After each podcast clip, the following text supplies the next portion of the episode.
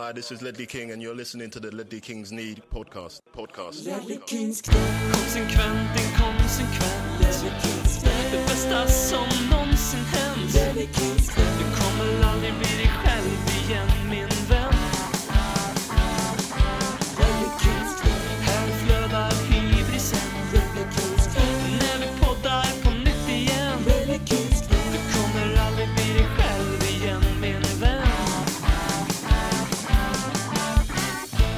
Hej och välkommen till eh, Ledley Kings knä.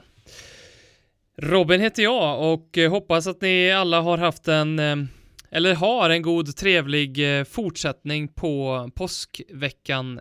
Själv så känns det som att jag har päls på tänderna efter allt godis och jag är osäker på om jag ens skulle pissa genomskinligt om jag drack två badkar med vatten efter all efter all prips som har slunkit ner. Men eh, så är det. Vi är tillbaka eh, och med vi så menar jag mig, men jag menar också min eh, kompanjon ifrån Sveriges 17 största stad. Köksrenoveraren, betygskonsulten BM. Hur går det där borta? Ja, det, det, hoppa på påsktåget först där. Så det, igår i Sveriges största, 17 största tätort så hade vi 15 grader och sol. Idag vaknar man upp till att himlen hade öppnat sig, snön vräkte ner och det blåsstormade. Och jag kände... Vad i helvete var det om? Ja. Jag kände bara att om, om man liksom är en religiös person eller en andlig person. Då kanske man kopplar det där till liksom Gud, eh, Guds vrede mot mänskligheten. Först är vi covid och sen det här. Men jag är ju en fotbollsmänniska. Här får ni tre centimeter snö era jävlar. Ja, typ. Men jag är en fotbollsmänniska. För då bytte vi till sommardäck för bara några dagar sedan. Så det kändes ju lite så. Men eh, jag är en fotbollsmänniska. Så jag kände att det här är eh, Bill Nicholson uppe i Narnia. Eller nere. Jag är inte så, jag är inte så fäst vid huruvida Narnia eller eh, ligger uppåt eller neråt. Men det är han som skickade ett budskap till Tottenham-supportrarna om här har ni er en metafor. Det här är Tottenham Hotspur 2021. Och jag bara, ja. Upp som en sol, ner som tre centimeter blötsnö. Han kanske är i eh, Nangijala.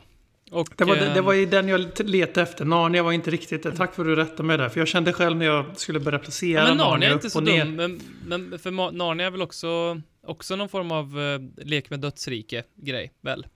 Trots Ja, att man går in i en död garderob. När det är lite tydligare i, med Nangijala att man faktiskt dör i, vad är det, Sk- Sk- Skorpan och Jonathan, heter de så? Vart tar de vägen efter Nangijala? Vet det, du inte det? för? Nej. Angelima. Aha, mm, Det hände mm. ju spoiler alert, men i slutet av Bröderna Lejonhjärta så... Det märks vem av oss som har småbarn hemma. Mm. Ja, den har faktiskt inte sett med dottern än. Hon är ett och ett halvt år, så det är lite för tidigt om man säger så. Men... Eh, Men José vara Mourinho får hon se. Ja, eh, ska vi vara transparenta med veckans upplägg på podden?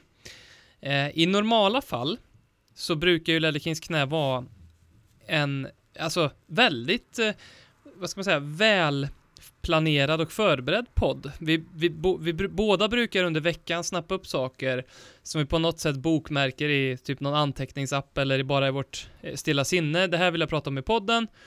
Eh, jag skriver manus ibland till och med för det är så mycket som jag vill ha med. Jag sitter och skriver upplägget, jag gör ett ordentligt körschema. Du gör väl din sak på din kammare. Vi sitter innan vi börjar spela in och pratar igenom vad vi ska prata om, lite lägger upp det lite grann, men det, vi har ändå, det är ändå viktigt att det, det finns lite form av flow i det så att det inte känns för stolpigt, vilket jag tror vi lyckas ganska bra med. Den här veckan, noll förberedelse. Vi bestämde oss bara så här, okej, vi, vi sätter på räck och vi har inget körschema, förutom möjligtvis en liten grej som eh, sen innan är förberedd. Så bara ser vi vad som händer. Så det här är ungefär som ett eh, ett, ett, eh, ja, ett fyllesamtal på krogen eh, som börjar någonstans och slutar någon helt annanstans. Helt utan guidning, helt utan moderering. Det är det som är upplägget den här veckan. Det är våran, eh, eh det är våran Saint Anger för alla som har eh, Metallica-referensen färskt i, minnet när de eh, efter eh, blivit av med sin basist och efter att tappa lite motivation där, efter att James Hetfield, deras sångare, varit inne på rehab och de bara fan blev nedbrytna av det och eh, ska samlas och spela in och så gör de en skiva som för, försöker peka fuck you-fingret mot allt och, och försöker och- och det bara blir någonting helt annat, jätteoväntat, jättemärkligt. Det är det här avsnittet, det är vårt Saint Anger. Hur känner du inför det? Att referensen seglade mig högt över huvudet. Men Mm. eh, Det var en ganska namnet- dålig referens faktiskt. namnet passar mig väldigt bra för om det, alltså, nej nu ska jag inte ljuga. Jag skulle tänkte precis säga att jag sitter här väldigt arg. Eh, Men det är jag inte. Jag är, alltså jag är likgiltig, även sex minuter rant till trots. Eh, Jag är likgiltig inför Tottenham just nu det spelar väl in lite i det här att inte bara först var det ett landslagsuppehåll eh, som var ganska meningslöst. Ett ganska skönt break från fotbollen som vi diskuterade sist. Eh, sen så händer det en del t- så standard transfersnack som sker under våren liksom inför sommaren i Premier League. Som det är run of the mill varje år, samma sak. Fanns Lite liksom mer fokus på Kane då, den här gången. Ja, lite mer fokus på Kane den här gången, absolut. Eh, svårt att liksom hetsa igång sig på, svårt att bygga en hel podd kring. Särskilt när vi redan har diskuterat Kane. Och sen så ser vi Tottenham spela fotboll och man har sett den här matchen förut den här säsongen så kan man väl milt uttrycka det. Eh, Och då blir det så det, uppslagen sinar. Men jag tänker att eh, för en lite mer modern referens tror jag, sen inte Engel kanske kom ut förra året, vad vet jag, men George 2001. R.R. Martin har ju skrivit eh, fem sjundedelar av sin A Song of Ice and Fire som sen blev HBOs sju säsonger långa, eller sex säsonger långa eh, epos som kallas för Game of Thrones. Och sen så var det två, två spin-off säsonger där som handlade om någonting annat. Eh, men det här är liksom vårt avsnitt som George R. R. Martin han, liksom, han skriver så här Gardner style kallas det när man skriver litteratur. Och det är att han bestämmer sig inte så jävla mycket före allting vart det ska vara. Han låter saker växa och så odlar han dem och så ser han vart de spröten. Han har liksom en basic outline och sen så sår han sina frön och så ser han vart de här träden växer och så följer han dem liksom i sitt liv. Och det är kanske därför han inte är klar med böckerna än. Men eh, så det här är, vårt avsnitt är helt enkelt, dagens avsnitt är helt enkelt eh, HBO säsong 8 av Game of Thrones. För er som älskar snäva referenser, här kommer en till. Poddfavoriten Fjodor Dostojevskij. Det sägs ju att hans stora mästerverk Bröderna Karamazov, som jag också har pratat om i den här podden, som jag, jag har börjat den boken tre gånger och lagt ner den tre gånger. Det sägs ju att han bara började skriva den utan någon som helst tanke, plan. Och det var också det sista, det var det sista han gjorde innan han dog. Och jag vet inte vad det gör med en riktigt, alltså när man läser en sån berättelse så, så känner man ju lite samtidigt så här, hmm, det här är bara, det här skulle kunna vara någons feberdröm som jag bara rider med i, för det är liksom, det, bara börjar någonstans och vecklar ut sig. Nu är den där väldigt hyllad. Vi får se vad, vad som händer med det här avsnittet. Men du, en grej som jag faktiskt på sätt och vis har förberett, men som jag faktiskt har tänkt om, och det är ju att du har ju fyllt 30. Hur kan jag missa det? Jag har fyllt 30, det stämmer. Och ingen tröja landade i brevlådan med någon jävla Big Mama 30 eller något sånt där som jag har varit rädd för ända hela säsongen. Och jag har dragit en kall kår eh, över att eh, någon skulle göra, ah, göra slag av den där saken som nämndes. Yppades av dig tror jag i någon podd för ett år sedan ungefär drygt. Så jävla svagt att inte du fick hem en uh, Spurs-tröja som stod Mourinho på 30. Fy Så jävla svagt. Det är så svagt gjort att inte vi... Fy fan. Vilket, vilket moraliskt dilemma att handla i. Man, man, man, liksom, man bränner inte upp Tottenham-tröjor, det gör man bara Nej. inte. Man kastar dem inte, man kastar inte. Jag har till och med kvar min eh, kopia, alltså min inofficiella sista säsongen Ledley skulle göra före jag köpte den officiella matchen. Och så gick han ju i pension då, men jag har fortfarande kvar den. Trots att han aldrig bar den. Jag köpte en blank sån, jag tror det, jag kommer inte ihåg säsongen i huvudet nu, 13-14. Ja, det, det var nog tidigare än så va? För det var Ja, det- ja, 13, det var- 14 ja, var det var- det- första? Det 11, var- 12 det var- kanske? Ja, 11-12. 11-12 var det. Precis före den här polotröjan när Bale slår igenom är det ju såklart. Eh, Och... eh, Som alla ser så jävla fet ut i om man inte är fotbollsspelare. Den eh, Aurasma, vita, ja alla är vita i och för sig, men den polotröjan, lite grå detaljer, tight som ett... Ja. Den, den gör sig bra i en paddelhall. Men, eh, och då, då har jag ju en blank då, Tottenham som jag köpte någon, så här, köpte i Turkiet någonstans med ett par promille under fotsulorna. Jag har fortfarande kvar den också. Den sitter på en nalle nu som också bär en eh, kommunistisk eh, hatt. Som jag köpte i Prag. För, utan att jag, trots att jag är historielärare då, inte insåg det ganska ganska osympatiska turistintrycket att köpa kommunistprylar i Prag. Med tanke på vad ryssarna gjorde där. Men, så den nallen då som jag för övrigt gav till min sambo första gången vi hade en inofficiell date. Trodde du skulle säga något annat. Ja. Så den nallen bär den Tottenham-tröjan än idag. Och, och då få en Mourinho-tröja. Mm. Hade man kunnat skrapa? Jag såg någon i Pirates Pågar som hade fått eh, trycket att försvinna helt och hållet redan på årets tröja. Ja, så jag hade bett det. den personen någon tri- tips. Just det, men det var ju faktiskt en eh, lyssnare som skrev till oss som undrade ifall någon annan har upplevt detta. Det kan vi ju faktiskt fråga nu. Han hade beställt hem en eh, tröja till sin son, Bale 9, och eh, trycket hade börjat lossna efter typ en tvätt. Eller om det ens var det. Och då hörde han ju såklart av sig. Men eh, då är det tydligen så att man inom 72 timmar måste påpeka det här och jag vet inte vem som hinner bruka en tröja så pass att den behöver tvättas och hinna med det. Ja, ja nej, det låter ju väldigt dåligt gjort av Tottenham. Lite via play-vibb på Tottenhams eh, kundtjänstsvar eh, får vi, får vi säga. Men 30, 30 år, eh, grattis förresten i efterskott. Eh, Tack så mycket. Vad är, vad är en, vad är, om, om du får, du får bara ge snabba svar här nu. Riktigt snabba svar. Din Tottenham höjdpunkt. Eh, första matchen på White Hart Lane med The Pod mot Southampton. Lägsta Gareth punkt. Bailey 87. Mm. Lägsta punkt. Mm. Hmm. Ja, jag, jag, vi skulle svara snabbt. José Mourinho anställs. Eh, favoritspelare? Erik Lamela. Åh, jag trodde Keen skulle slinka, men ja. Eh, hatspelare? Spurs? Erik Lamela. ja, Amadou Adebayor. Ja. Mm. Annars är den frågan svår, men eh, bästa ställ vi haft? Eller nej, nej, nej, nej, nej, nej, nej, nej. Nu när jag fick tänka hatspelare Hossam Gali. Alla som har sett, på tal om att inte kasta Tottenham-tröjor och behandla dem med respekt. Hossam Gali. Mm.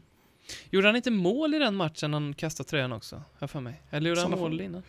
I så fall har han gjort ett bra, bra, bra jobb där att glömma bort det i sådana fall. Mm. Eh, bästa tröja? Bästa tröj, Tottenham-tröja? Första Nike helvit. Eller helblå, vilket som. Kommer du att ha kvar ditt Tottenham-intresse livet ut? Eh, absolut, med väldigt få reservationer. Fint. Saint Anger-avsnittet rullar vidare.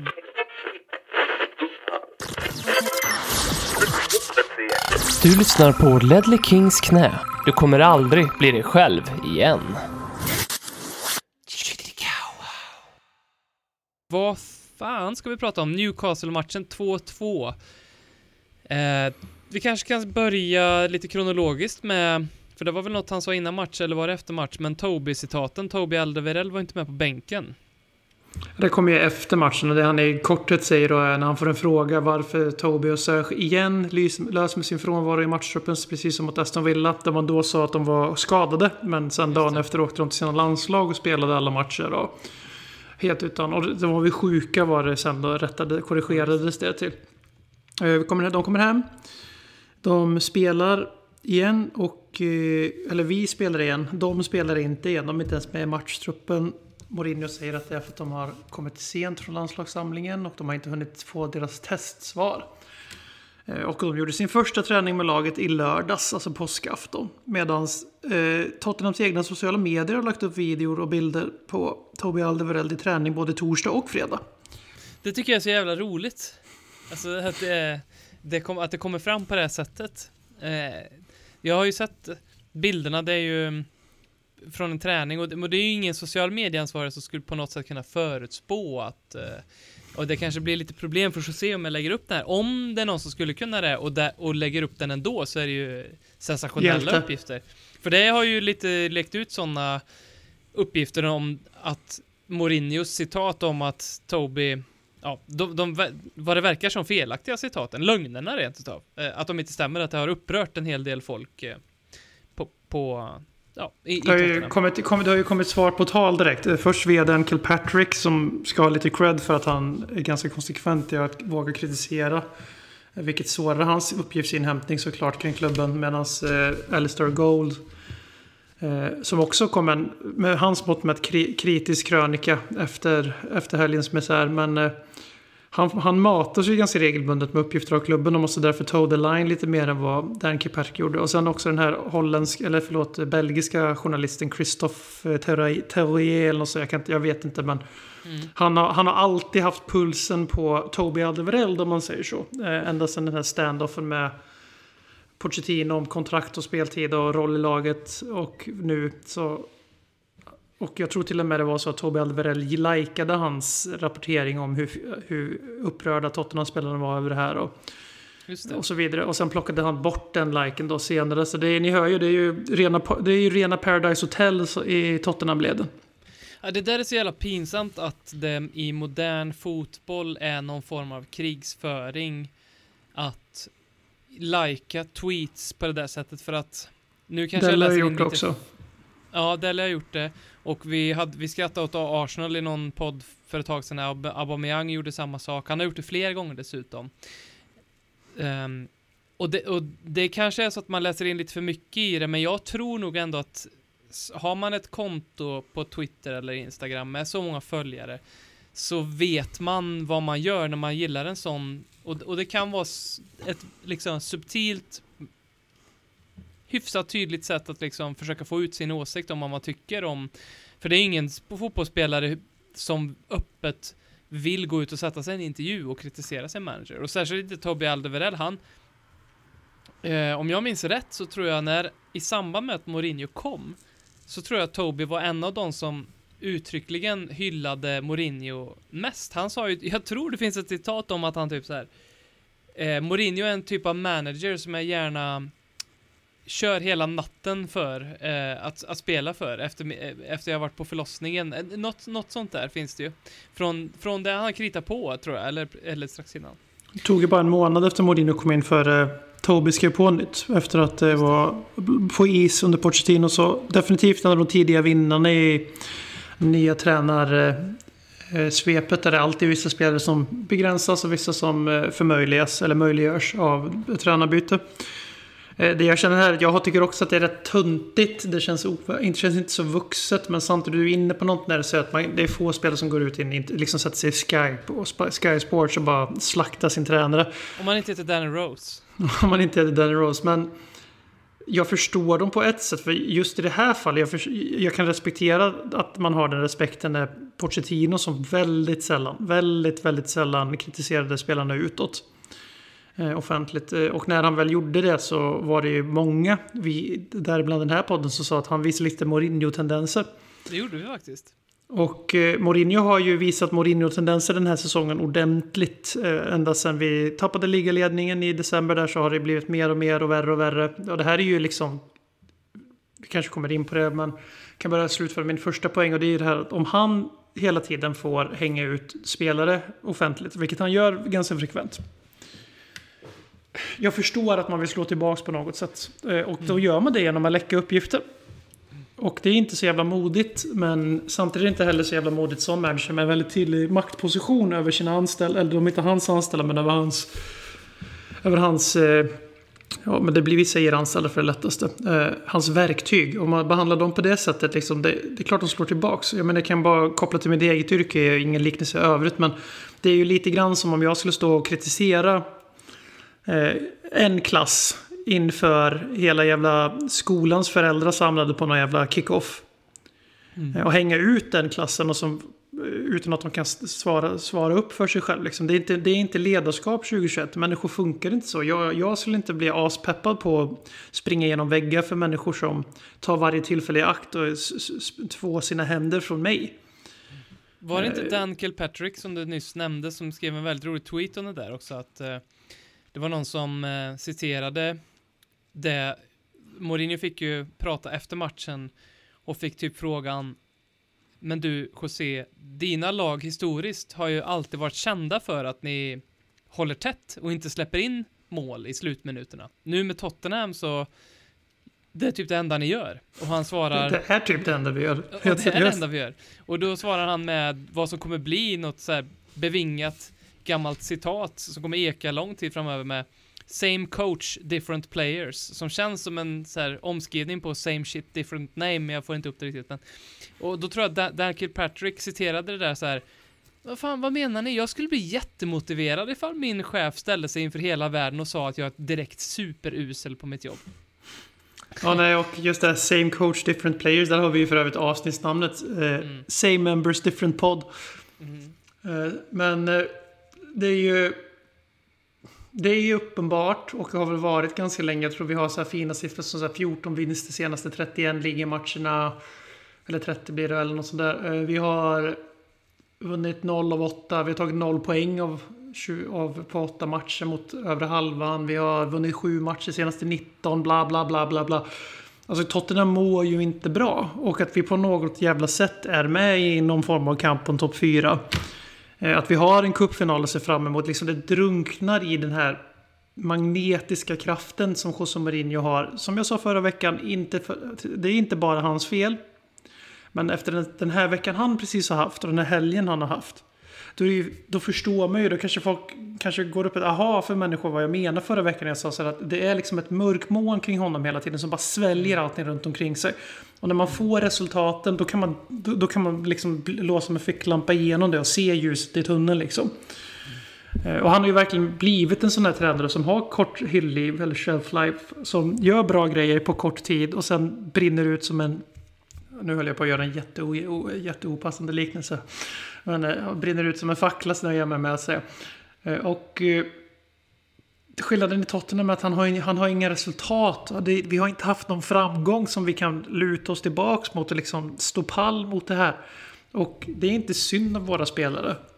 Eh, de, får, de är välavlönade, de spelar fotboll som ett yrke, alla är avundsjuka på dem. Och, ja, och de men, underpresterar också till viss del, det får vi ändå liksom, Och de underpresterar, vissa av dem underpresterar, absolut. Och, men grejen är att enough is enough. Alltså hur fan kan man på fullaste allvar gå in i sista månaderna av Premier League, eh, ha en cupfinal om tre veckor, med en tränare som på fullaste allvar har suttit och sagt efter ett kryss mot Newcastle borta. där Vi blir totalt utspelade och borde släppt in fyra mål enligt eh, minst. Alltså, nu är det expected goals är fyra, men de hade ju, hade ju alltså 17 avslut i boxen.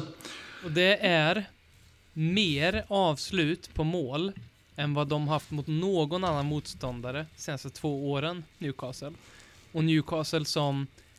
Helt ärligt, Per Frykebrant var här hemma hos mig och såg den här matchen.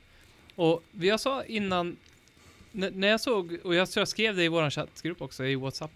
Det, den här elvan som Newcastle ställer ut idag, det kan vara, det kan vara Premier Leagues absolut sämsta elva just nu. Och, och det tycker jag, det säger så mycket.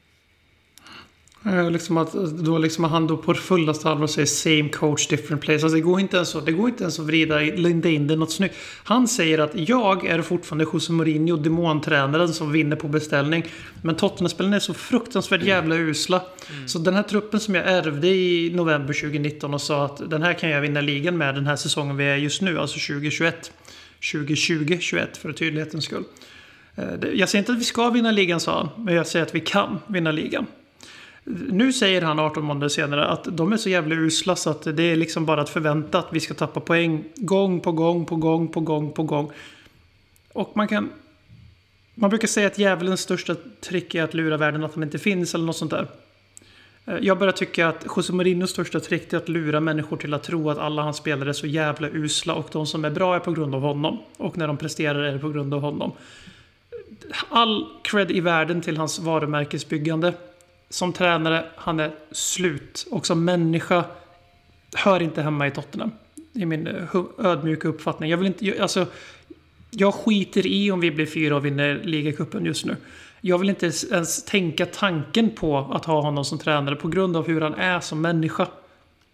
Det, alltså det, det, vuxenmobbing som får ryggdunkningar på Twitter av grabb-grabbiga grabbar. Eh, och som tjänar så scoring points hos eh, förstenade eh, steroidpumpande Sky Sport-experter. Kanske är någonting annat de pumpar i sig istället för testosteron i och för sig. Typ någonting annat kanske. Men de kanske gillar sånt här. De gillar när man liksom förnedrar människor. Och gör det offentligt och visar att man är så jävla manlig och man är så jävla hård mot dem. Och de ska bara liksom sträcka sig i kragen och göra alla de här plattityderna. José Mourinho är en cancer på Tottenham just nu och jag hoppas att den i liv agerar snart. Det, vi kan, vi måste, det måste summeras med det. Vi kan inte... Jag tror en alternativ avsnittstitel också är Saint Anger faktiskt. Eh, med tanke på din, din rant här. Nej men det var jag inte ens arg. Alltså, det, det, är bara liksom... På, det är vad jag tycker. Jag är besviken. Ja. Precis, jag är inte, jag är inte, jag är inte, jag är inte, jag är inte arg, jag är besviken. Nej men jag tycker på riktigt det här om José Marino. Och uh, man har försökt ge han benefit of the doubt. Han kan ju vara väldigt charmig. Han kan vara väldigt rolig. Eh, Mm. Han kan vara väldigt duktig på sitt jobb. Han är säkert väldigt duktig på sitt jobb fortfarande. Jag har aldrig gillat honom som människa. Aldrig gillat hans ledarstil. Och jag gillar den absolut inte när den är... Alltså nu kan inte jag säga på riktigt att jag inte gillar honom som människa. För jag känner inte människan privat. Men det, det, den människan han väljer att visa för världen. eh, Är inte särskilt sympatisk. Och eh, liksom om han, om han får vuxenmobba sig fram till miljoner pund i månaden. Då måste, måste man väl få säga att han är, att han, att han är ett svin helt enkelt. Ska vi eh, ge oss på um, skratta åt topp 6? Let's laugh at the top six. They are really shit.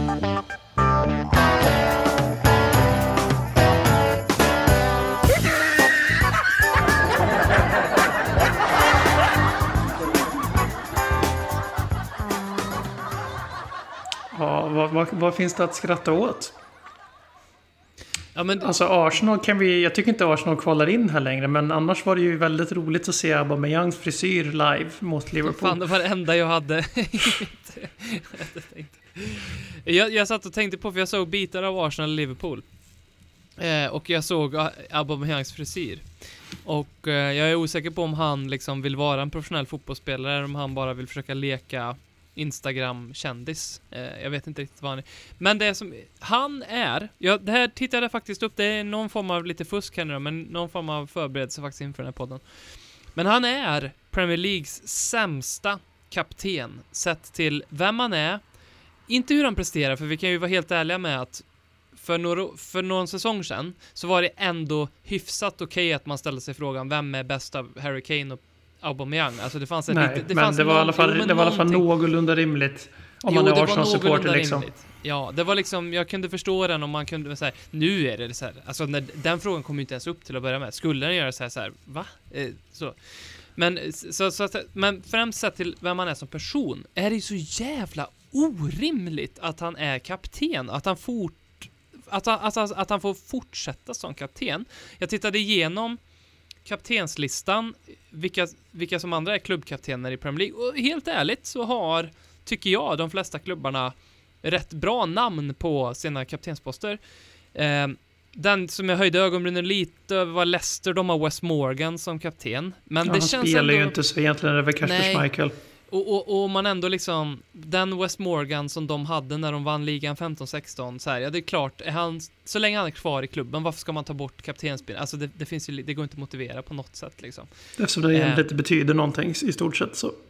Ja, eller alltså säg så här, jag tror Ja, att men det gör, kan du inte göra om han inte spe, Han spelar ju ingenting. Nej, nej, så nej. Nej, nej, så nej. Jag trodde du menade kaptensbindeln som fenomen. Eh, Nej, nej, nej. Det, Nej. Den har Men- ett visst symboliskt värde.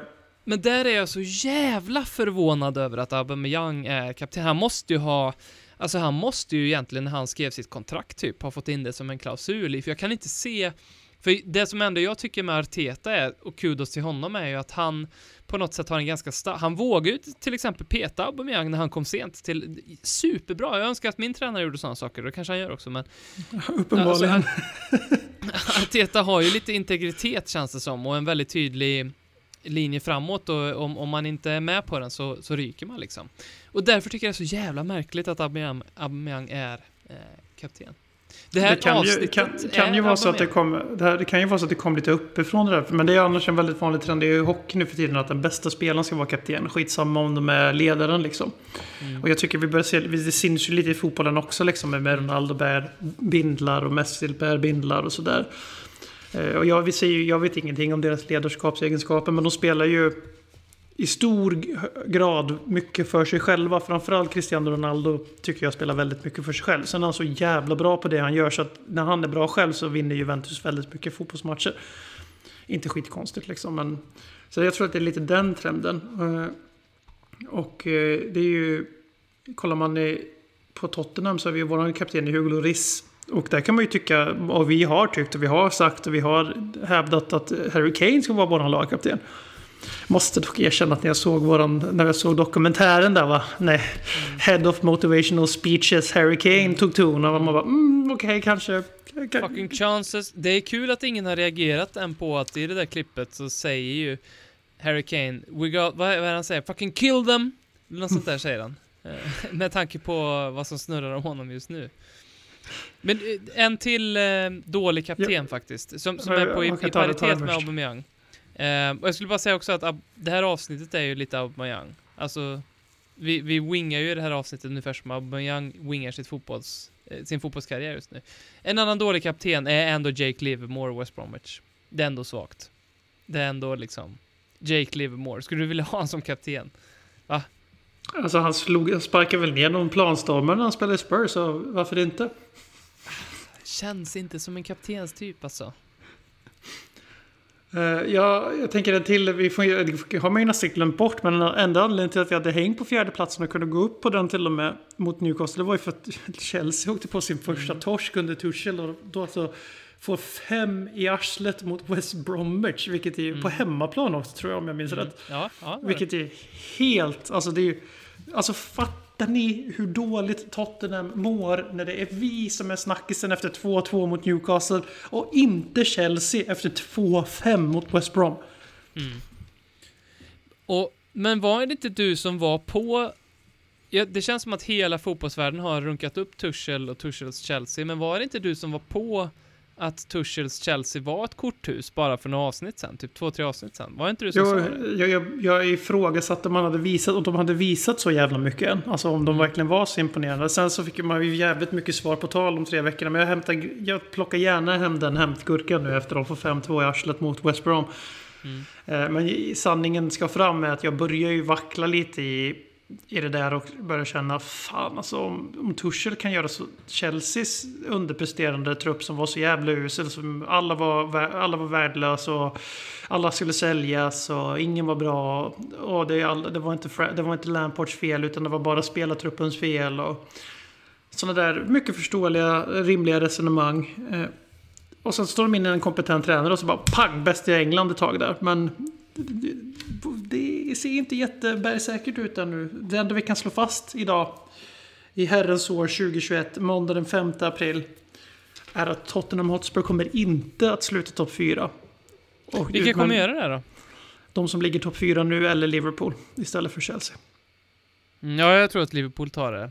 Det blir Liverpool, Leicester, United, City. Skulle, jag skulle kunna vara så att Leicester trillar ut. Och då blir det Chelsea-Liverpool. Det skulle vara väldigt dåligt för Tottenham om, eh, om det är bara vi och Arsenal så att säga. Och de Big Six som missar Champions League. Eh, särskilt eftersom Arsenal kommer att vinna Europa League på någon jävla vänster. Och eh, står där med sin andra raka under tionde plats och med sin andra raka trofé. Ah, för fan vad mörkt. Det kommer att ske. Eh, Lägg pengarna på dem redan nu. Det, jag, alltså det är ju ett betyg till, jag kan inte riktigt förstå motargumentet till detta som jag har sett, men jag tycker ju att, att, vi hade hängt på fjärdeplatsen inför den här matchen och att vi hade varit faktiskt fyra med eh, så många förluster och så många kryss och så otroligt usla vi har varit. Ett sånt jävla underbetyg till Premier League som säsong och då förstår jag inte de som jag förstår att man kan tycka så här, ja det är kul att det är lite rullians på lag i topp 4 och att det är många som är och slåss om det. Men det är ju när, det, när lag är bra. Men nu är det ju inte så. Alltså all, det är så många lag som är, det ser ju ut som det gör för att lag är skit. För att Ja, jag Arsenal är skit. Jag, förstår, jag, för, jag förstår tanken inte- på papper liksom. Det här med Ja. att oj, nu har vi helt plötsligt 8-9 lag som är så bra. Men problemet är att de är ju inte så bra. Utan har det är ett ju lag att... som är bra. Ett Ja, lag det är, Manchester. City. Precis, det är ett lag som är bra på riktigt. Det stämmer Och- alldeles utmärkt. Kan det vara City, eller så här, det är två lag som är bra. Eh, möjligtvis tre. Två lag som är bra är i så fall City och så West Ham. Men West Ham är ju inte topp ja, ja, bra, gud. men de är bra Just för, det. de gör sin grej bra. Och sen gör Leicester sin grej hyfsat bra. Men Leicester hade inte... Ja men, det, ja, men det är definitivt de tre lagen som presterar bäst. Alltså City trots enorma förväntningar, enorma pengar, bla bla bla. De gör ändå klass. Punkt. Mm. Jag tror att de på riktigt kan vinna Champions League, vilket är liksom det som saknas för att eh, de ska tysta alla tvivlare med Pep. Mm. Eh, hur det nu kan finnas några. Men sen, sen är det ju definitivt West Ham som gör den kanske bästa säsongen sett till trupp och förväntningar och alltså att maximera sina resurser. Eh, Och sen så är det ju Leicester som igen, som gör ju det ganska regelbundet nu. Alltså Leicester är ju definitivt den klubben som egentligen har för, gjort sig förtjänt av att antingen ta Arsenals så kallade Big Six-plats. Nu funkar det inte riktigt så för det har att göra med historia. Det är ju de här sex klubbarna som har vunnit flest titlar i Englands liksom, fotbollshistoria. Det är inte bara eh, bara senaste tio åren som de här Big Four, Big Six-runket har funnits liksom. I Men, eh, vilken, och det ska sägas eftersom att det så ofta sägs att Tottenham inte vinner några titlar, vi är ju faktiskt sjukt nog. Lika många titlar som Manchester City har vi vunnit än så Ja, länge. så att eh, det är ju lite utslags... eh, Den... Vi har 26 titlar, City har 26 titlar, titlar. Den som vinner ligacupfinalen går om den andra så att säga. Så vi är ju topp 6, top sex, så sätt. Ja. Men det borde vara ett Big Seven kanske, för Leicester har ändå vunnit ligan. Sumpa Champions League-platsen spektakulärt förra året och kanske gör det i år igen. Men då blir de ju femma då som värst igen. Och då får man väl fan lov att säga att det är ju Big Seven då. Alltså Leicester får väl ändå... Det är svårt att snacka bort, att de, för de följer ju inte bort efter ligatiteln. Eh, Men det betyder inte att man vill ha Brendan Rodgers som tränare. Nej. Sen är det väl Burnley som är en bra säsong, för det är väl alltid så här, ja, ni ska bli 15 och har ni klarat det så grattis. Det är väl typ där de kommer bli. Så. Eh, Sen gör Brighton en bra säsong, men eh, samtidigt, Ja. också, samtidigt också är det ju...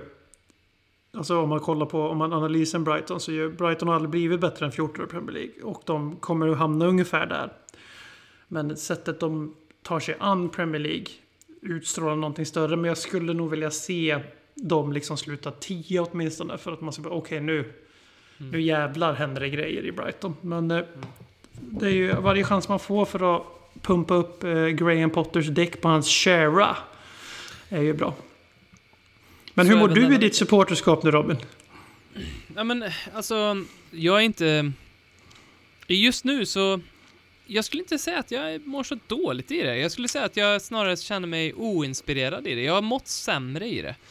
Men jag känner, jag sa det till Per, vi hade på matchen här och vi satt och snackade vid våra respektive och drack öl och hade trevligt och slängde ett öga på matchen. Ja, nu, nu blir det två. Alltså, det finns ingen känsloyttring för mig kring Tottenham just nu. Um, och det är nästan så att, alltså, jag, he, det låter konstigt, men helt ärligt, jag bryr mig inte så mycket att vi kryssar eller torskar eller sådär.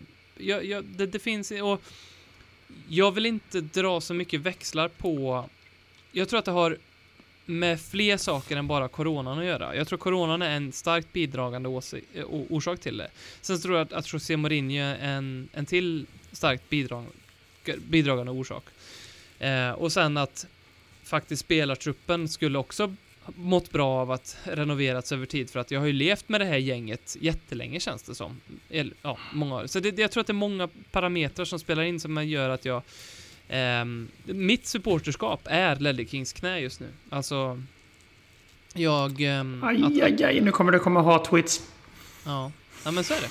Men eh, däremot så satt jag faktiskt häromdagen och tänkte på att eh, jag är faktiskt riktigt jävla sugen på att dra en London-weekend och, och eh, se Tottenham på Tottenham Hotspur Stadium. Det är jag supersugen på. Så att när den möjligheten finns kommer jag boka det tidigt. Så är det. Ja. Eh, Eh. Nej, men det är ju det är fint att höra lite positiva vibbar där, men det är också fint att höra att du, du beskriver det i lite gladare ord och ton än vad jag gjorde. Det är total, eh, totalt likgiltighet. Och eh, vi har sagt liknande saker förut till några fås enorma upprördhet. Precis som säkert folk kommer bli upprörda över att eh, vi säger att, eller jag sa att José Marino är ett svin och många andra saker och tolkar det som att jag är arg på honom. Men det är liksom, det, jag är verkligen inte arg. Det är bara att jag tycker illa om honom. Och eh, just nu är det liksom det enda sättet för mig att kanalisera någon form av känslor till Tottenham. Alltså, vilket är liksom lite grejen för mig med eh, Tottenham. Att man, ska, att man känner någonting. Man lever när man ser på Tottenham. När man, Tottenham är en del av ens puls.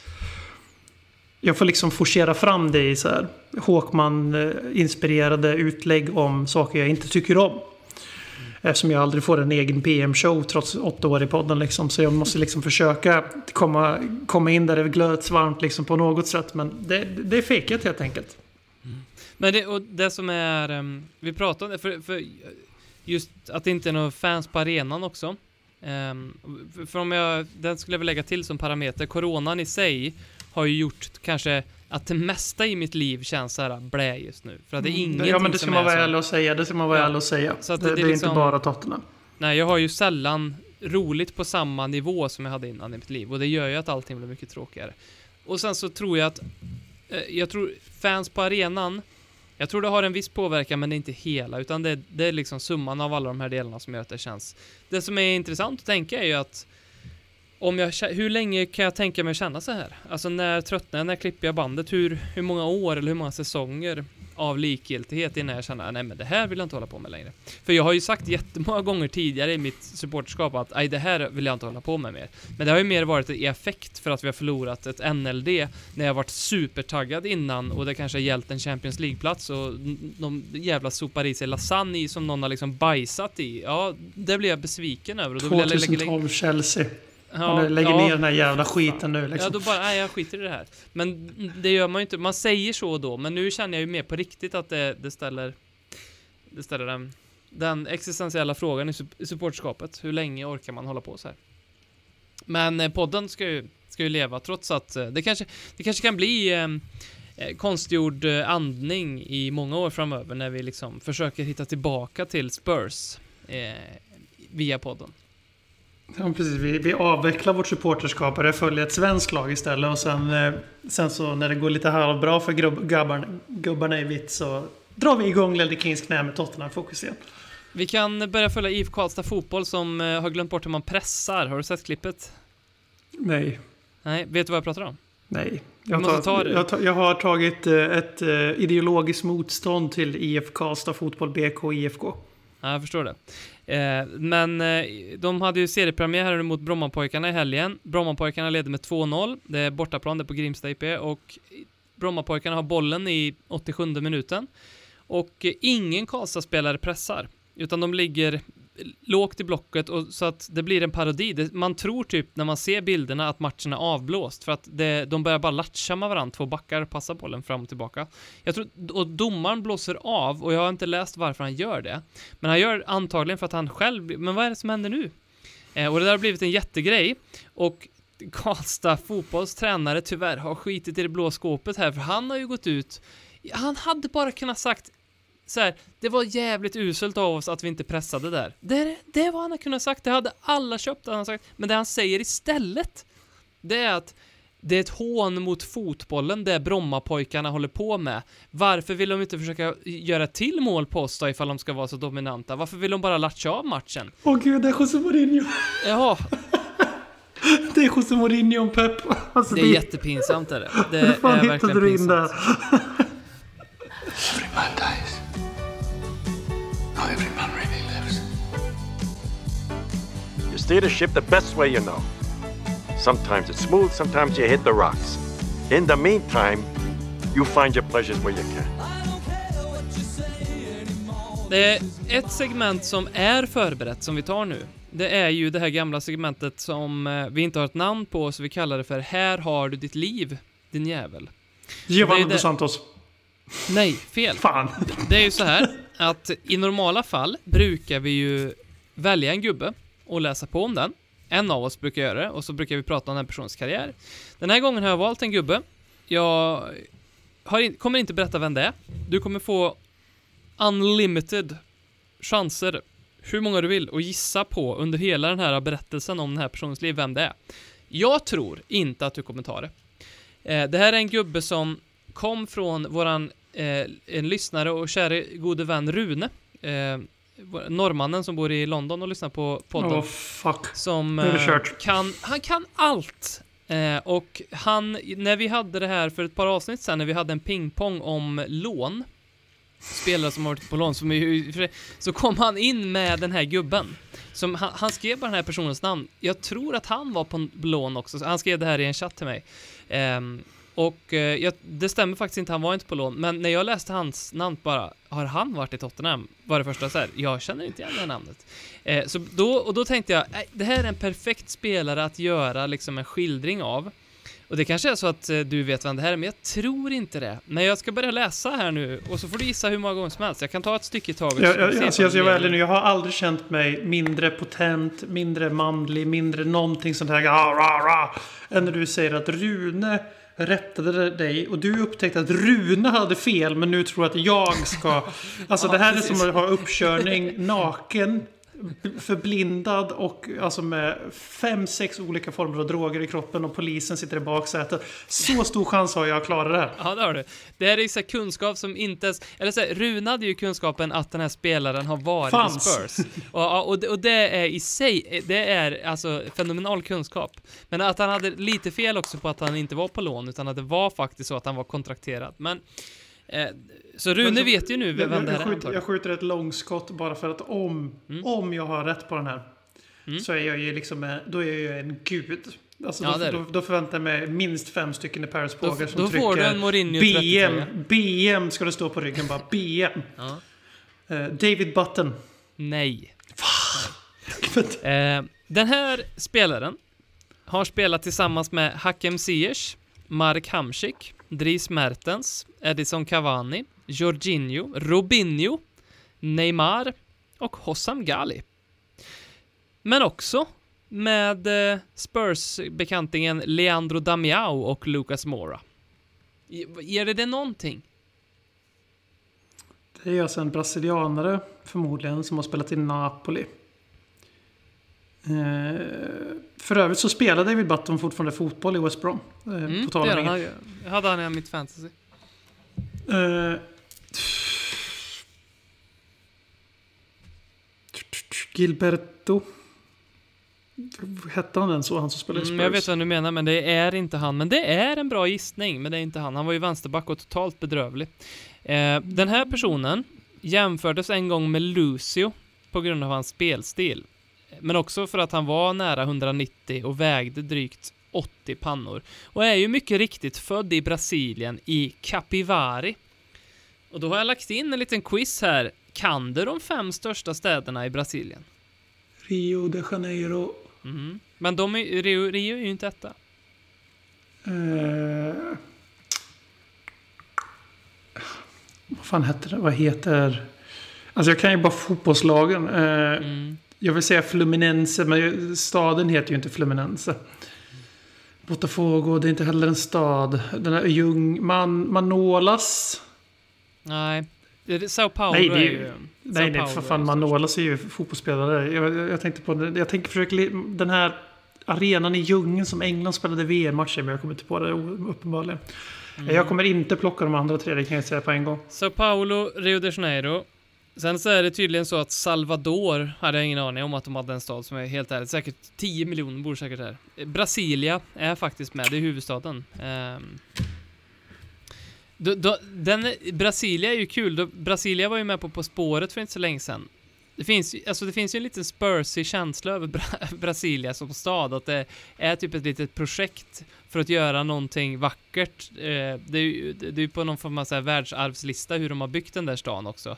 Men det har, det har inte riktigt fallit så ut så som, som, som de själva liksom satte sig på hästen så att säga. Det har inte ridit iväg i gryningen med fina flaggor och eh, gyllen, nej, eh, Fortaleza, nej, skitsamma, vi släpper det. Eh, vi går tillbaka till fotbollsspelaren. 1991 föd- föddes han för övrigt. Um, och i den, här, den tiden som han ryktades och var i Tottenham, var kontrakterad Spursare, så hade han precis varit kapten för brasilianska U20-landslaget som vann U20-VM med spelare som Neymar, Lucas Moura, Coutinho, Oscar i truppen. Ja, vi hade Jag vet vem kapten. du pratar om nu, men namnet, det namnet det... För eh, jag börjar känna igen storyn kring den här brassen. Mm. Eh, Så vi, vi plockade in, men som inte riktigt plockade in. Sen gick han till Napoli efter, efter oss då med andra ord med stor Ja, men han har spelat i Napoli. Eh, och det här var ju då i Harry Redknapp-tider. Mm, absolut, Och, eh, absolut. Det här är ju som sagt Damau, Damau-fönstret så att säga. Men jag, fan, namnet är ju helt... Han vi, gjorde här, inga seniormatcher, eller hur? Nej. Här kan vi ehm, dra en liten parallell som jag slogs av när jag gjorde den här researchen. Och det var ju då att Harry Redknapp som var manager hade övertalat den här brassen som ju var the real deal när det här begav sig. Det är ju kul om ni som lyssnar eh, har tagit det nu, ifall det är någon av er som har gjort det. Vem den, vem den här gubben är. Nej, jag kommer ju såklart avslöja det snart, men för jag tror inte du kommer ta det B. Men du får, fortsätta, du, får, du får fortsätta gissa. Han var ju kapten i det U20-landslaget med alla de här profilerna. Och herr Redknapp var ju så sugen på att få, få in den här eh, gubben så att han hade ju flera telefonsamtal och övertalade till slut eh, den här mittbacken att signa för Tottenham. Och ehm, då var det, och det här finns citat av från den här spelaren då som sa att Harry Redknapp har pratat om att det kommer ske ett renewal project i Tottenham som jag väldigt gärna ville vara med på. Intressant! Renewal project. Hmm, vart fan har jag hört det? Hmm, painful rebuild. Det klingar bekant. Vad hände sen efter det att Redknapp sa att han ville ha ett renewal project? Han fick Häcken ja, just det. Och sen så fick nästa tränare som kom in ett renewal project. Då värvade ju Livi Dembele, Juris, Vertongen, Sigurdsson, Dempsey, Adebayor och sålde Van de Vart och Korluka och Kranchar och Pienaar och Basong och Giovanni Dos Santos och David Button för övrigt. Ehm, och Lelle King gick i pension. Det var ett renewal project det. Fick man lite déjà vu. Um, den som för övrigt rekommenderade den här spelaren till Napoli, det var ju Thiago Silva.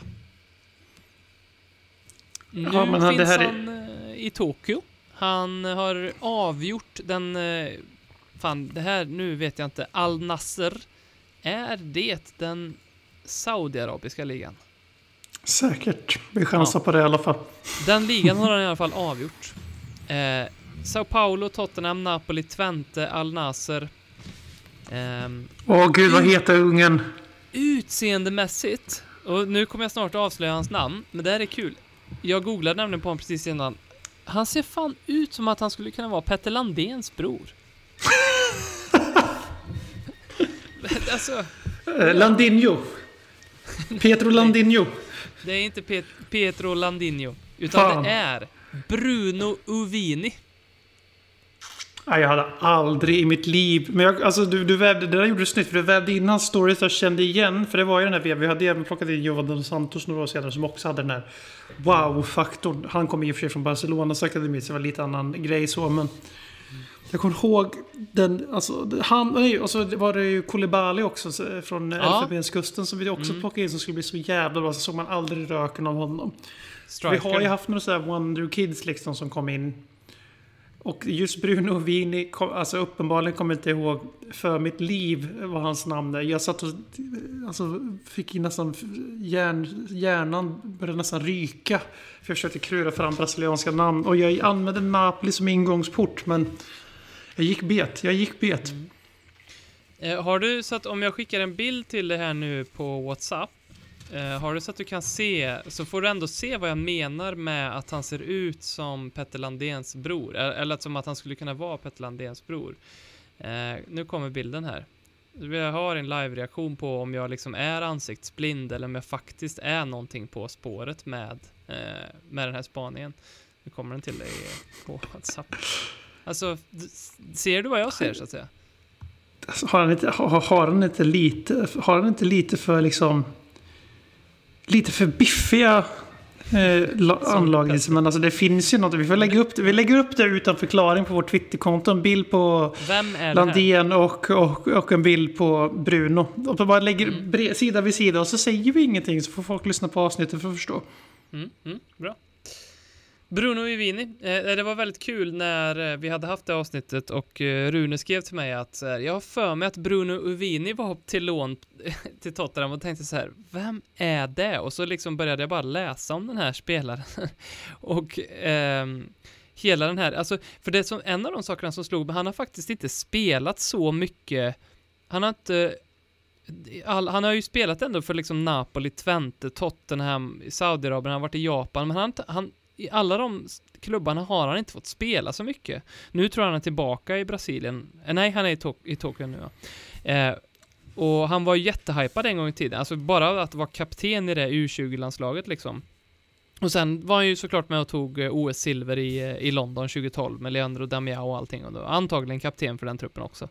Eh, men det är ändå hans liv, alltså så här, om du skulle träffa en granne eller en kollega som har le levt det livet som Bruno Uvini gjort, så skulle du ändå tycka att det var en otroligt intressant person. Så här, ja men jag har, jag har levt, jag har bott i London, jag har bott i Neapel, jag har bott i Holland, jag har bott i Tokyo, jag har bott i Saudiarabien, jag har varit kapten för brasilianska landslaget, ja, jag har coachat Neymar i hur man ska liksom ta en straff. Alltså så här, det är ändå, han har ändå ett, han har en jävligt intressant story. Så att jag, jag tycker inte mer än rätt att vi lyfter upp Bruno Vivini. ehm, Tottenham-legenden. Tottenham-legenden Bruno Vivini. Eh, Eftersom det här är ett uh, freebase-avsnitt så kan vi bara säga det. Medan vi spelar in så har det hänt lite grejer. Nej, Nej, jag skojar. Så, så, kul, så kul ska vi inte ha. Nej Men, det, eh, du det- vet ju vad jag tänkte. Jag Eh, tänkte det att, första att, som att, kommer att ut är- fått gå.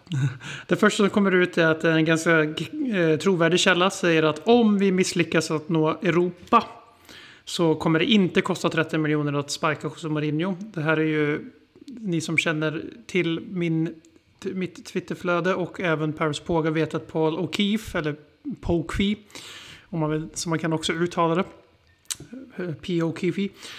Eh, han eh, har varit inne på det ganska länge, att han har exakt samma kontrakt som Pochettino hade. 10,5 mille i grundlön och sen är det resten i bonusklausuler, bla bla bla.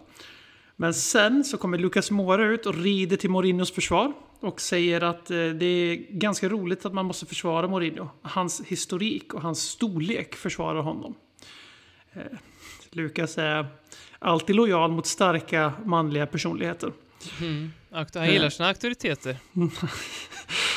Och sen var det den tredje och sista som eh, faktiskt eh, visar att det är fan en shitshow i Tottenham nu. Och det är The Telegraph som går ut hårt med och säger att Tottenham-spelarna har ledsnat på att, Jose, förutom Lukas då uppenbarligen, har ledsnat på att José Mourinho eh, kritiserar dem ständigt och insinuerar att de inte är tillräckligt bra för Champions League-spel.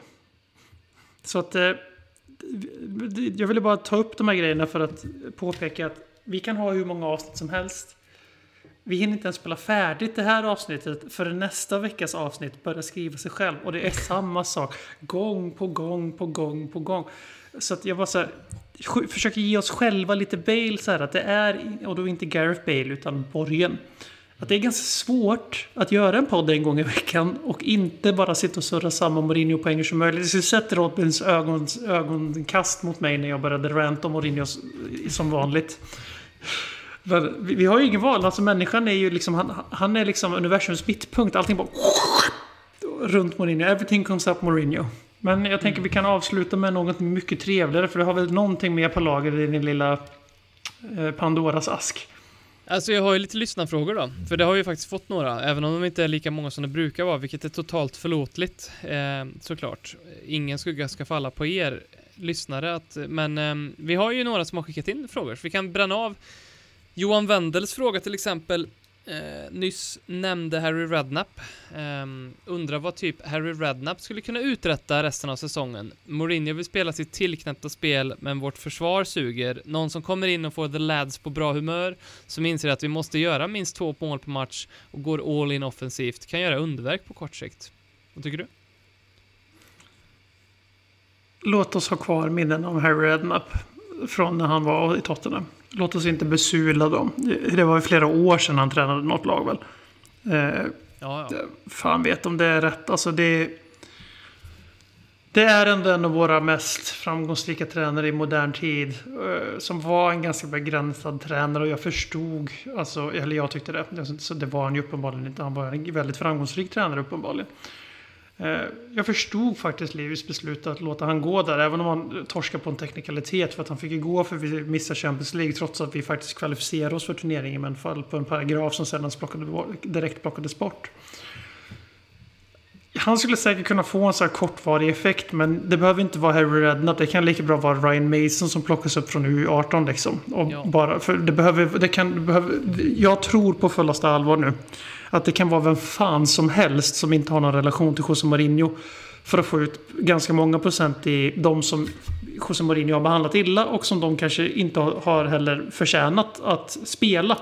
Att behandlas illa vet du fan det liksom, eh, behöver vara med i diskussionen. Men en Dele Alli, en Serge Aurier, en Steven Bergwijn, en Toby Alderweireld, eh, en Harry Winks kommer definitivt hitta en del procent bara genom att det är någon annan än José Mourinho som tränar dem. Och sen kan man tycka vad man vill om det. Eh, och vi hade de diskussionerna till leda när Pochettino var på väg ut på den där långsamma, smärtsamma Golgatan han fick gå igenom före det var slut.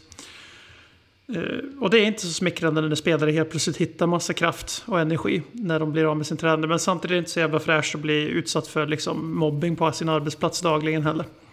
Så nej till Harry. Ta Ryan Mason i sådana fall. Han blir inte förstörd av det här. Han behöver inte brännas några broar och bli vår framtida tränare om fyra fem år bara för att det eventuellt inte går så jävla bra i nio matcher av en säsong som alla vill glömma.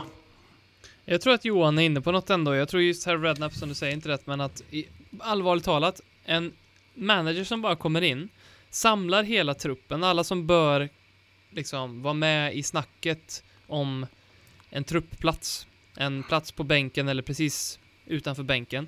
Samlar alla, alla gubbar och säger så här. Här är en tom whiteboard. Nu tar vi tillsammans ut det som ni tycker är den bästa elvan. Vi, vi, vi, vi, vilken är våran bästa elva? Och sen så går vi ut och så bara bevisar vi att vi kan spela fotboll. Det tror jag skulle lyckas så jävla bra just nu i det här laget där det är någon form av knepig jag vill knappt säga meritokrati liksom, eller vad det är, eller hur man nu ens får spela under Mourinho, givet att man inte heter Harry Kane typ.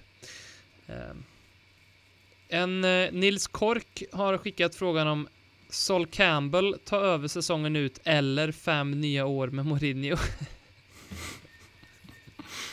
Sug på den du. På, på tal om att eh, vad skulle få det, vad, vad, hur länge orkar man liksom, hur länge håller det här i? När, när börjar man bli en av de här som bara oj, Tottenham spelar idag. Eh, och Ja, det menar jag absolut inte på något jävla krystat elitiskt sätt. För det vet jag, det är en sport inom supporterskap. Att vem är mest äkta? Men eh, det går ju inte riktigt att ha den diskussionen när man hejar på ett lag som spelar på andra sidan kontinenten i stort sett. Inte riktigt, men på andra sidan en stor vattenyta i alla fall. Eh, och eh, alltså jag avundas människor som har en så hälsosam relation till någonting de inte har någon som helst påverkan på. Men eh, båda alternativen skulle definitivt få mig att packa ihop och bli en av de här som står och skriker på barrikaderna. Support your local team. IF Karlstad Fotboll, årskort. Här har ni er, de första Ultras. Förutsatt att de, de här två sakerna händer. Vi pressar inte för att vi tycker att det är ett hån mot fotbollen att de andra inte tillåter oss att pressa. Um, lite på samma ämne och, och nu... Nej, nej, nej, svara på frågan själv du din jävel. Fan. Uh, Nej, det är fem år med Mourinho, om jag måste välja. Sorry, men ehm, det är fem år med Mourinho. Jag, det, det, vi blir en meme om vi utser Sol Campbell till eh, tränare. Då har vi liksom, då betyder ingenting verkligen någonting liksom. Ingenting betyder ett skit längre i Tottenham om han blir tränare för oss, så är det ju. Så att då får vi ta fem år med Mourinho och kanske att det ändå får ja, när han får köpa sina 28-åringar säsong ut, säsong in, att vi kan liksom hosta upp någonting, något guld här eller vad Absolut, men hellre det än att vi har Sol Campbell vid roret. Eh, Björn Sköld skrev, eh, och det pirrar ju i mig när jag läser det här. Och eh, med tanke på vårt Viaplay-drev i ryggen så eh, är det inte dags för någon slags organiserad fanprotest mot Mourinho crowdfunda en helsida i brittisk tabloid och kräva managerbyte? Eller vad har ni för pigga förslag? Älskar den här tanken. Alltså det... Alltså hur mycket kostar det i ett plan som flyger över Tottenham Hotspur Stadium? Med banderoll. Ja, det är ju Arsenals grej, men visst. Ja, men vi kan, ta, vi, kan, vi kan spexa till det. Vi kan ta att någon hoppar, hoppar fallskärm från det här planet och landar på mittcirkeln med en banderoll. Eh, han Jimmy Jump eller vad han heter. Inte Jimmy Jonevret, även om det finns vissa likheter. Eh, men eh, någon annan, alltså någon annan sådan dåre kanske. För jag vet inte, alltså. Det känns som att det inte skulle gå i, inom brittisk fotboll. Att alltså, och det, det är ju ganska tragiskt. Vi kommer ju från ett... Alltså I Sverige så är supporterkulturen väldigt stark. För att man har 51%-regeln som skyddar eh, föreningarna så att säga. Eh, eller begränsar dem om man tycker så. Alltså det, man får tycka som man vill i den frågan. Jag är team 51% men... Ja, lätt. Men... Jag har, svårt att, jag har verkligen svårt att se det liksom bli... Alltså att man ens kan göra så i England. Ja. Alltså...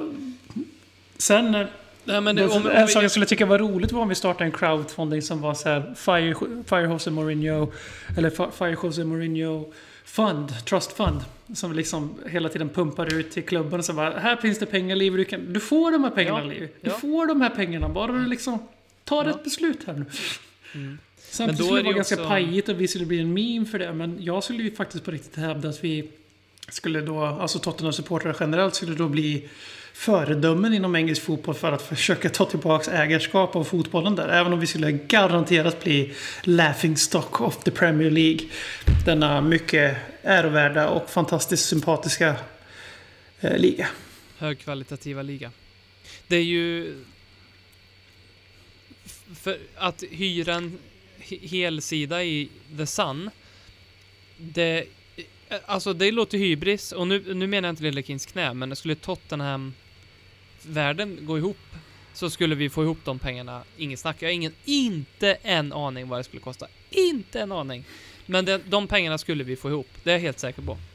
Eh, Jag är nästan förvånad när jag sitter och tänker på att, att inte något sånt händer. Men samtidigt så inser jag också att en, just en sån sak kommer ju bara stärka Alltså José Mourinho, det, det där är ju liksom Jag minns When We Were Kings avsnittet om FC Porto så om man inte har lyssnat på det Alltså gör det, för det, där går ju faktiskt Niva in på djupet om José och hans uppväxt och barndom och som har präglat hans livsbild där han ju av rätt så förklarliga skäl när man förstår allt han har gått igenom verkligen tror att alla är ute efter att förstöra för honom hela tiden och det är därför han agerar som han gör antagligen. Han tror att liksom media, domare, andra lag, sina egna spelare you name it, fans är ute efter honom hela tiden. Det låter som Vilket en ju eh, också- skolboksexempel av en narcissist. Ja, ja, exakt. Men eh, det har ju funkat rätt bra för killen fram tills Tottenham som det kommer att låta. Även om verkligheten givetvis inte är så svartvit. Men det är, det är så han kommer bli känd. Eller Tottenham kommer bli kända eh, av många. För den enda klubben José Mourinho inte vann någonting med. Och jag, det hedrar fan med Tottenham i sådana fall. Ja, kanske. Men och det är därför jag tänker att hyr man en helsida i The Sun så kommer han bara kunna använda det. Han, han, typ, han är nästan lite förvånad över att inte den där helsidan finns. Alltså det är nästan på den nivån Han kommer också att tro att det är Della Lee och Daddy Rose och Harry Winks som har Ja. gjort det. Ja, ja, typ. De har ju, de har ju råd. Herregud vad de har råd med det. Um, ska vi ta sista frågan? Det var kul att den här kom. Marcus Glenn Svensson undrar hur många lyssnare vi har jämfört när vi började podden. Utvecklingskurvan? Frågetecken. Grym podd. Och det är ju kul eftersom att vi ju i ehm, nyligen har tagit reda på just detta. Tyvärr har vi ju inte tagit reda på det, men vi har börjat titta på det eftersom att det är otroligt liksom krångliga med att driva en podd är att folk kan lyssna via Spotify, Podcaster, Acast, Podkicker, Google Podcasts och typ, jag tror jag hittade tre tjänster till där folk lyssnade. Och alla de här redovisar statistik på olika sätt. Vissa visar bara hur många som följer podden, vissa visar bara hur många streams man har, vilket man inte ska blanda ihop med hur många, som Spotify till exempel, ett bra exempel, de visar hur många unika konton det är som lyssnar varje vecka. Det är ungefär 300 personer som lyssnar på våran podd på Spotify varje vecka. Unika personer. Men vi har kanske nästan 1000 streams på varje avsnitt på Spotify, så det där får man inte blanda ihop. Och börjar man lägga ihop allt det här så, helt ärligt, vi vet inte riktigt. Eh, men jag skulle väl tro att det är typ 1000 pers som hör det här just nu, vilket ju borde ge någon form av eh, eh, scenskräck faktiskt. Det vill jag inte tänka på. Och det är väl antagligen därför inte vi har försökt ta reda på det här innan heller. Ehm, för man får lite scenskräck, eller vad säger du? Nå, alltså det vet fan. Det är, det är klart att eh, tusen personer är... Jag har aldrig hållit eh, ett, ett sammandrag för tusen pers. Du får tänka att Men- alla är nakna. Ja, precis. Nej, men eh, det är ju just den här grejen att det är så långt ifrån varför vi gör en podcast. Eh, på tal om narcissister så alla podcastvärdar eh, och podcastmedlemmar har, ja, har ju uppenbarligen något stråk av narcissism i sig för att man ens gör att man ens liksom på något sätt får för sig idén att någon vill liksom lyssna på dig och just dig och dina åsikter om någonting. För någonst- någonting finns det ju i det. Liksom, men det här låter ju som en klyscha som alla, alla säger i alla sammanhang som har med någonting sånt här att göra. Liksom, men jag sitter inte här just nu och pratar med dig om Tottenham för att jag vill att det ska ge mig någon form av recognition eller vad fan som helst. Eh, det är typ umgänge. Eh, det blir, framförallt under coronatiden har det blivit, så här, det blivit en punkt av att liksom ha någonting man gör som inte bara är samma sak som allting annat man gör. Eh, jag uppskattar att podda mer än vad jag har gjort, mycket mer än vad jag har gjort förut. Eh, då, det mest varit, då har det också varit en kul grej, men då hade man också liksom frihet i sitt privatliv så man kunde liksom göra saker. Sen är det ju liksom helt enkelt ett jävligt stort behov av att hantera vad Tottenham Hotspur gör med en som person. Som Ledley, det är därför Ledley Kings knä finns. För mig i alla fall. Eh, Och likadant hade- därför vår hemsida finns med där jag skriver liksom det, det är inte för någon, någonting annat än att liksom få ur skiten så inte jag går runt och typ tråkar ut min stackars sambo dagligen med massa rants om Tottenham som hon bara "Åh, okej. Okej. Absolut. Jag förstår José Mourinho är dålig. Pochettino är bra. Jag, jag, hade, ju- vi, jag tror inte vi hade hållit på med det här om inte vi hade fått eh, så mycket jättefina ord eller så mycket interaktion. Eh, på, alltså, då hade vi nog tröttnat på det också. För någonstans så känns det som att kan man på något sätt eh, bidra med någonting som man själv tycker är kreativt och kul som ger någon, eh, eh, eh alltså ändra något positivt till någon eller som det är i många fall också att folk skriver och är faktiskt riktigt upprörda över oss. Alltså det, det ger mig jättesug efter att podda att bara så här att lansera vad man tycker och tänker om saker. Så att eh, jag Det går, jag, det, går det går faktiskt igång lite på också när folk Ja, vi försöker berätta för mig vad jag ska få för länge åsikt. sedan om ingen lyssnade. Och sen så har vi under alla år sett typ man kan ju se på topplistor vart vi ligger någonstans på Spotify och podcaster och sådär. Och ofta poddar som är både över oss men framförallt under oss har ju ofta skri skrivit ut hur många lyssnare de har på sociala medier. Och då har vi väl insett någonstans, ja då ligger vi någonstans över det.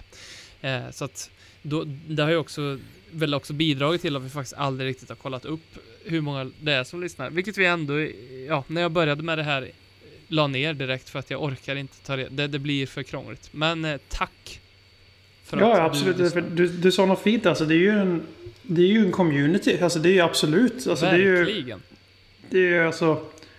Det är en liten knitpunkt och det är inte... Det är inte på, grund, på något sätt på grund av någon jävla förträfflighet eller att vi tycker att vi är så jävla duktiga. För absolut inte. Men det har blivit... Kanske för att vi var först. Kanske för att eh, någonting vi gör är dugligt. Vad vet jag. Men det har blivit eh, ett litet Tottenham-community där liksom man, man ser liksom lite skillnad på Twitter, man ser lite skillnad på de som är med i WhatsApp-gruppen. Alltså, men oavsett vad så är liksom, jag får ju min dagliga dos av eh, andras tankar, andras idéer, reflektioner och liksom sitta och snacka med, To- om Tottenham. Eh, mycket på grund av den här podden. Nu finns ju Twitter och sånt ändå, givetvis. Och liksom, det är ju liksom det är ju ett, ett, en stapel, i- ett, ett staple i mitt liv, Tottenham. Och eh, det är ju definitivt, det hade ju varit helt meningslöst om det var bara du och jag. Då hade vi bara whatsappat och snackat i telefon med varandra istället såklart. Och det är ju helt klart det, fint att du kom in på det, för det är ju helt klart det som är grejen. Alltså det är jävligt kul att surra Spurs med både Tottenham-supportrar men fan mig ibland känns det som att det är nästan ännu roligare att prata Tottenham med folk som inte hejar på Tottenham. Men lyssnar på oss eller interagerar med oss på, av någon oförklarlig anledning. För att det, människan, man söker kunskap, man söker reflektioner, man söker utbyte människor sinsemellan och det är vad man får. Eh, av eh, alla som någonsin på någon gång sett eller hört namnet Ledley Kings knä och det är vi jävligt tacksamma för. Ja, det kan vi liksom inte nog. Det borde vi göra varje vecka om inte vi gör det redan. Men att tacka alla som eh, lyssnar och alla som skriver till oss för att det är eh, om man gör den här jämförelsen att vi har ju ingen sponsor. Det är ju ingen som pumpar in pengar för att vi ska göra det här. Om vi hade haft det, då tror jag att du och jag hade känt ett litet ansvar gentemot den det företaget som hade liksom bett oss.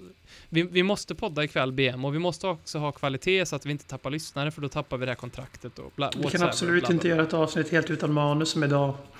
Exakt. Men jag kan ju, den, det vi gör idag, det är ju för att vi känner det kanske ansvaret mer mot folk som vi vet lyssnar. Att vi skänker ju någonting här. Det kanske är någon vi retar upp, det är någon vi glädjer, det är någon vi skänker lite insikt eller någonting. Ja, men då, då gör vi det för er faktiskt. Så tack för att vi får vara en del av era liv eh, i Ledley Kings Det, knä. det är ju faktiskt ganska sjukt. Den aspekten är sjuk att tänka på.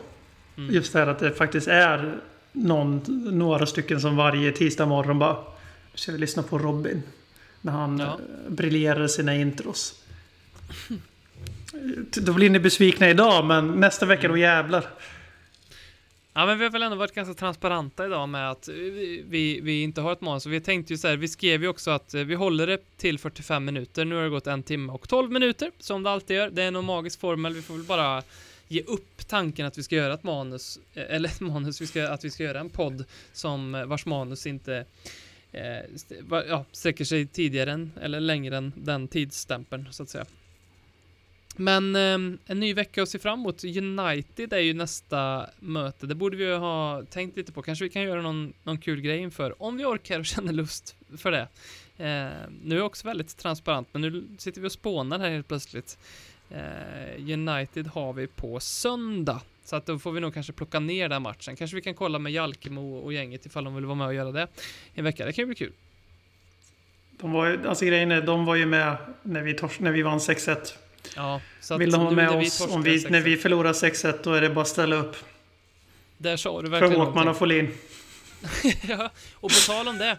Håkman och Folin eh, tar ju ut sitt eh, missnöje med nuvarande situationen genom att spela in en poddserie som vi kallar för Arkivet som har släppts i två delar.